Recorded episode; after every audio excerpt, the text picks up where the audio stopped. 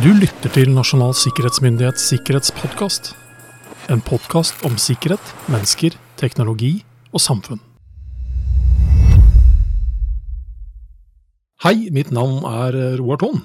Podkastepisoden du skal høre nå, har dessverre hatt noen uh, tekniske utfordringer. Uh, av ulike årsaker, så annet min stemme kan høres litt uh, anstrengt ut. Det gjør ikke vår gjest Per Torsheim, så jeg håper allikevel at det er fullt mulig å lytte på denne podkasten med spørsmålet om går vi mot en passordløs fremtid? Hei og velkommen til Nasjonal sikkerhetsmyndighets eminente sikkerhetspodkast. Mitt navn er Roar Thon, og jeg sitter her i vårt eh, hemmelige lille podkaststudio. Og for noen dager siden så kunne vi lese at uh, Apple, Google og Microsoft går sammen for å gjøre hverdagen passordfri. Og det høres unektelig ganske spennende og interessant og for så vidt også veldig positivt ut. Men hva betyr det her, da? Og for å få vite litt mer om det, så har jeg invitert meg inn med meg i studio. Uh, en som er, må sies å være langt over gjennomsnittet interessert i passord. Per Torsheim, velkommen Per. Ja, takk, Roar. Til daglig så er du SISO i BankID og BankAksept, men det er ikke sånn sett uh, derfor du er her i dag. Uh, det er jo denne genuine interessen eh, for passord. Og når jeg skal introdusere deg, så pleier jeg å si at dette er en av de i verden som vet mest om passord. Og så kan du kanskje får du reagere sånn som du vil på det når jeg sier det her, men ja. Jeg, jeg, er veldig glad for det, og jeg, eh, jeg, ja, jeg skal aller ydmykst akseptere beskrivelsen. Ja.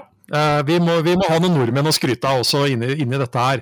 Men uh, hva tenkte du når du så overskriftene i media? Og det, de kom vel nesten rundt sånn der den årlige passorddagen òg, gjorde de ikke det? Jo, de kom på årets passorddag, som var torsdag. Eh, og min første reaksjon var jo det at jeg vil si at dette visste jeg kom. Jeg visste ikke dagen det ville komme, selv om kanskje dagen ikke burde overraske. Men dette er arbeid som har pågått over lang tid. Fordi det det er snakk om her, det er jo da en, eh, en standard og en oppdatert standard som da skal hjelpe oss til å slippe unna passord, i hvert fall i deler av hverdagen vår. Ja, for hva betyr dette her nå helt konkret for, for alle oss? Og når jeg sier alle oss, så mener jeg nesten alle oss som daglig sliter med å håndtere alle de passordene vi eh, må bruke for å bruke de tjenestene vi bruker? Ja, vi, vi har mange passord, eh, og det er jo ingen tvil om at vi, vi klarer ikke å huske alle sammen. Eh, og vi har kanskje enda flere kontoer enn vi har passord. Det er vel en liten innrømmelse som ganske mange må gjøre seg.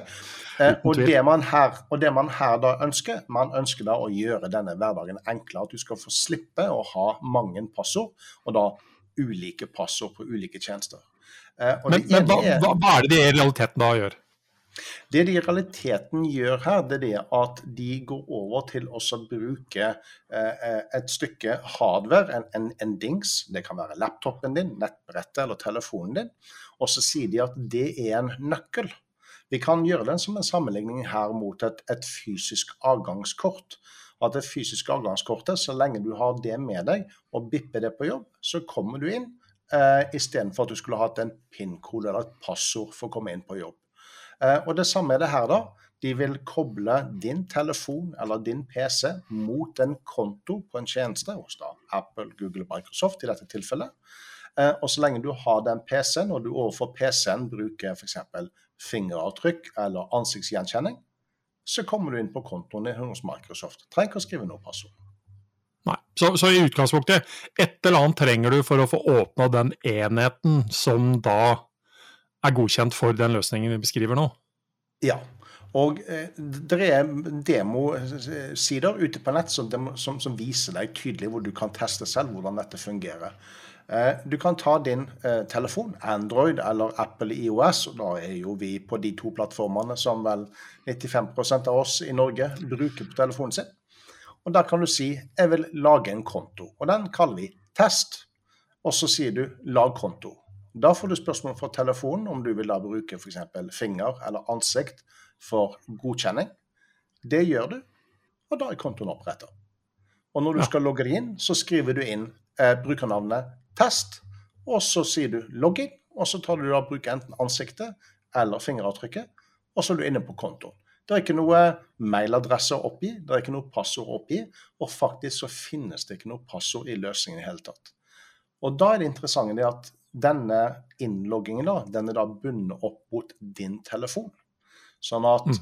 hvis jeg skal hacke meg inn på din konto, da må jeg for det første stjele din telefon. Og i tillegg så må jeg da, hvis det er fingeravtrykk eller ansiktsgjenkjenning som brukes, ja, da må jeg nesten stjele deg òg, Roar. Og da blir ja. dette vanskelig. Ja, Det kan være lettere sagt enn gjort, for å si det sånn. Men, men hvis vi lar den ligge litt også før vi tar den videre. Uh, fordi uh, når jeg hørte om dette her, så, så, var det sånn lite lys som gikk opp i hodet mitt. Det er kanskje ikke ofte det gjør, men, men det har jo vært mye snakk om uh, Windows 11. Og hardware-kravene til å få Windows 11 har jo ligget veldig mye på sikkerhetsmessige løsninger som da ligger i operativsystemet opp imot hardware. Er dette, av, altså, er dette litt av bakgrunnen for at man nå kan gjøre en del av disse tingene? Ja, eh, kravene som er blitt eh, enda mer eh, streng i Windows 11 enn det de var i Windows 10, det går på at du skal kunne få muligheten til å bruke disse funksjonene her. Så hvis du i dag kjøper en PC med Windows 11 på, så vil den PC-en da i utgangspunktet være klar for å bruke disse løsningene. Som da skal gi deg en enklere og bortimot passordfri hverdag. Så det, dette er jo akkurat det her jeg skal si, nå har vi sikkert sagt utallige ganger i sikkerhetspodkasten vår, men det er jo litt sånn at vi, vi finner på stadig nye løsninger. Eh, vi bruker stadig ny teknologi og så kommer noen etter, og det vi trodde var sikkert da, viste seg ikke være så sikkert allikevel. Det er jo en evig kamp her. så er, Vi snakker jo ikke om 100 sikkerhet, men vi snakker jo om noe som sannsynligvis er betydelig sikrere, sånn som du allerede sier, med at man får, får tak i kanskje både meg og enheten min. Eh, det er jo ikke utenkelig, men det skalerer veldig dårlig, for å si det, for å si det sånn, i forhold til hvor mange, mange man greier å nå eh, samtidig. Uh, og så er det litt sånn at uh, ja, eh, ressursene som skal til for å, for å kanskje bypasse dette her, er, er krevende det også. Uh, og så vil kanskje tiden vise, da. Men kan vi forvente noen motstand mot dette her, da? Er det noen motkrefter som ikke vil? Det er motkrefter som ikke vil. Det skal jo sies, for det første, den, den standarden som her videreutvikles, det er noe som kom på banen eh, for vel eh, 10-12 år siden.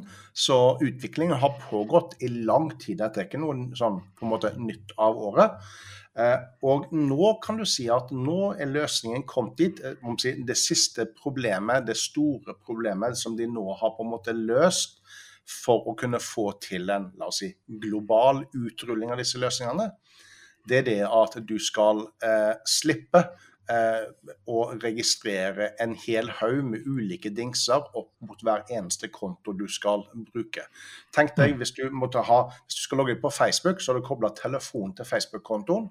Men hvis du da igjen mister telefonen eller glemt telefonen og skal logge inn fra PC-en og ikke gjort det før, da kommer du ikke inn, fordi du må ha den initielle dingsen.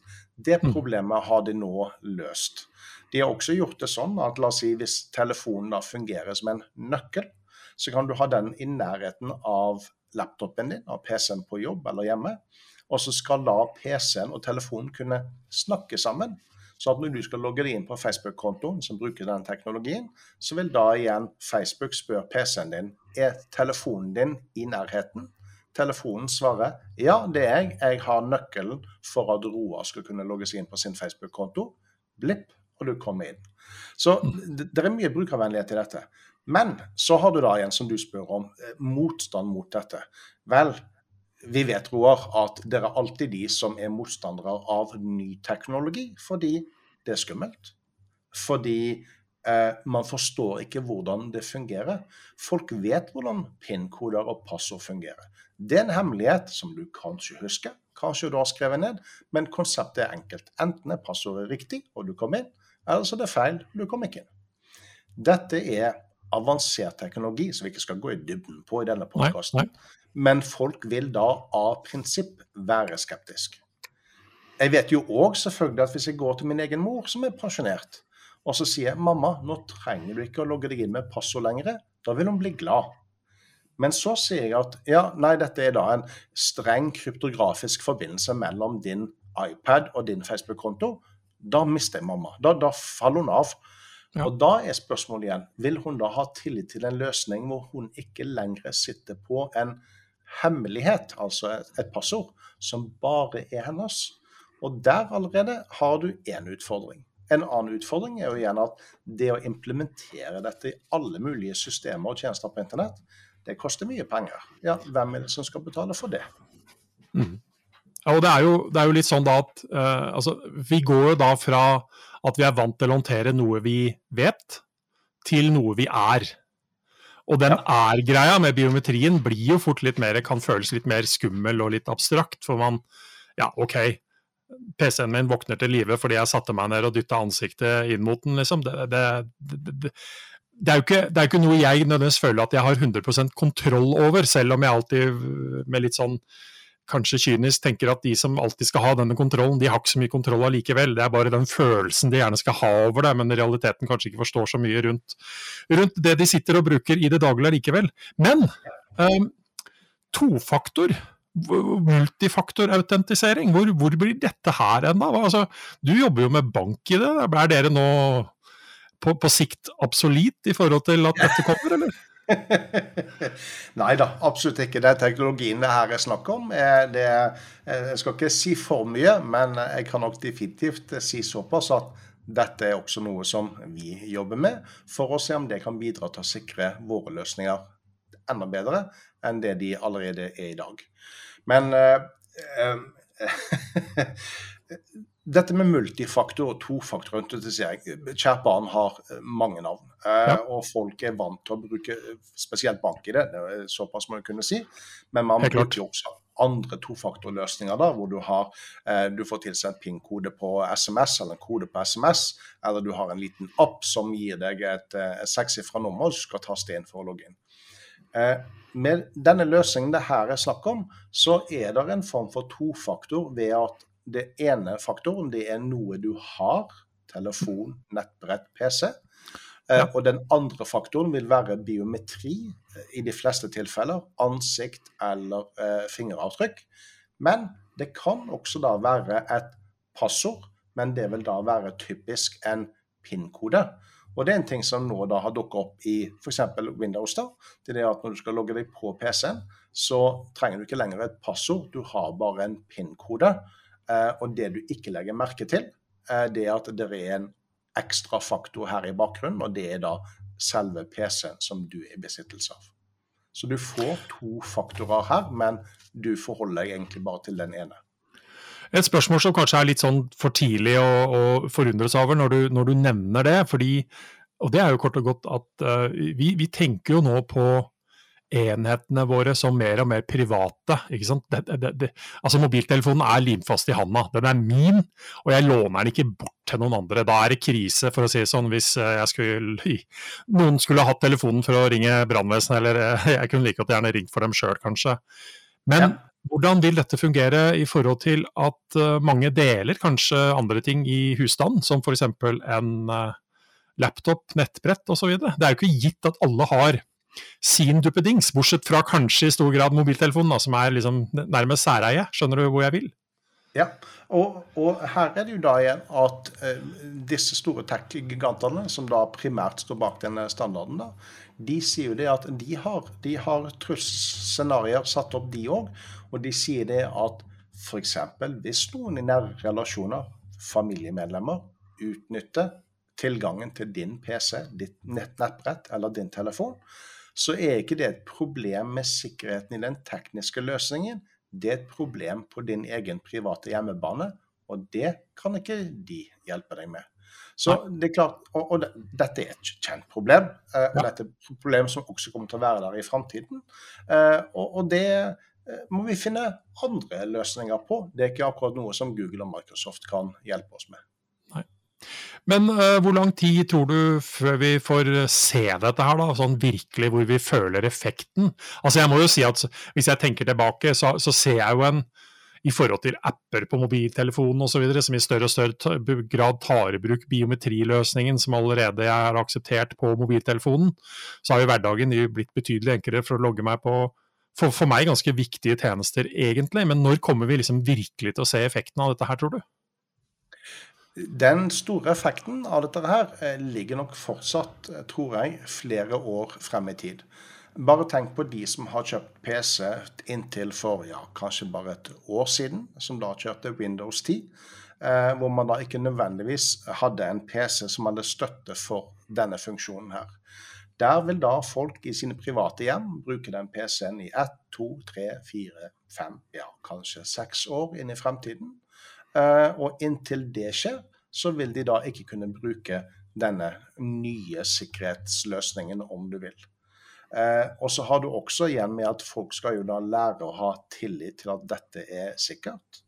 Eh, alle tjenesteleverandører, og alle, det er veldig, veldig mange roer, de skal implementere støtte for ja. denne nye funksjonen.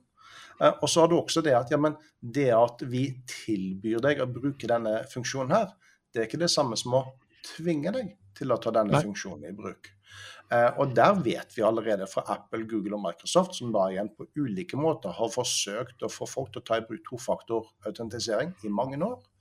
Det går ekstremt sakte fremover fordi igjen, folk er skeptiske, forstår ikke hvordan det fungerer, og gjør feil, og dermed låser seg selv ut av sin egen konto. Og så lager de en ny konto og Det blir da òg en kostnad for tech-leverandørene.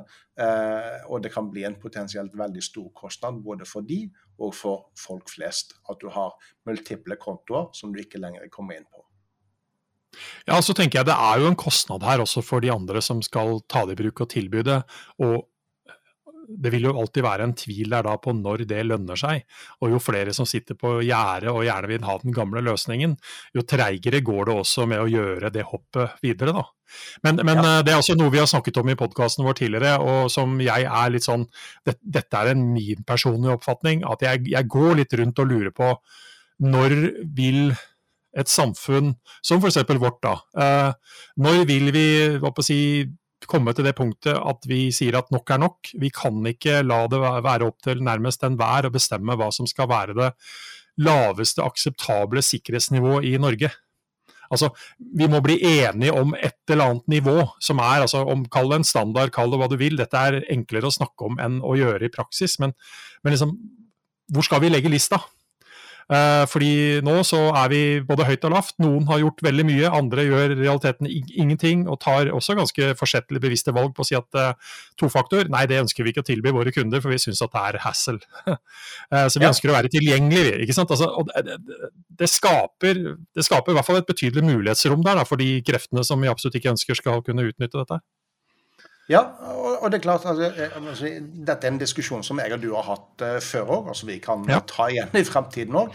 Det er jo igjen Hvem i Norge er det her er det som skal ha myndigheten, mandatet og ikke minst pengene til å bestemme et minimum sikkerhetsnivå? Fordi det er vanskelig å sette et minimum sikkerhetsnivå. For vi må, vi må ta høyde for ja, ja. absolutt alle mennesker med alle handikap som har, ikke har fargesyn, eller som mangler en arm, eller som eh, trenger å bli administrert med hjelp av andre osv. Og, så og da blir felles minste multiplum det blir utgangspunktet veldig lavt.